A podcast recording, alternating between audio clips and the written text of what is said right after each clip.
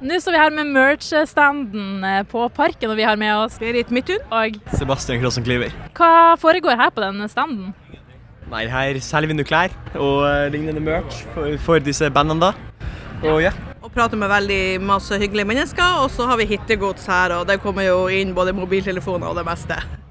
Har det kommet inn noe veldig spesielt? Nei, det har vel ikke gjort det. Ikke i går og ikke foreløpig i dag. Nei, nærmest bare det vanlige som mobiler og øredobber og lignende.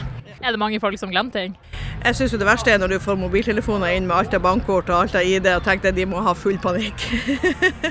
så, eh, men da tar vi jo gjerne telefonen når den ringer, og så er det gjerne noen kompiser som ringer, og så sier vi at de ligger her, så kommer de. Hvordan type T-skjorter kan man kjøpe? Hvilke band er det dere selger? Nei, akkurat nå så har vi fått inn da Parken-merch, vi har fått inn Barrikade og Hobbel. I går så var det Highas a Kite, og det var populært.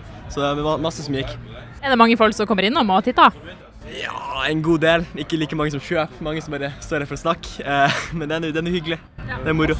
Er det masse spennende folk her? Det kan man si. På, ja, det er vel det. Mye. Mange som vil snakke. Og så lurer jeg på, hvem gleder du deg mest til å se? Nei, det var vel eh, Undergrunn og Karpe er de to høyeste mildeste, og det, det er bra. Og så lurer jeg på, har du noen festivaltips til folket? Vann. Drikk vann.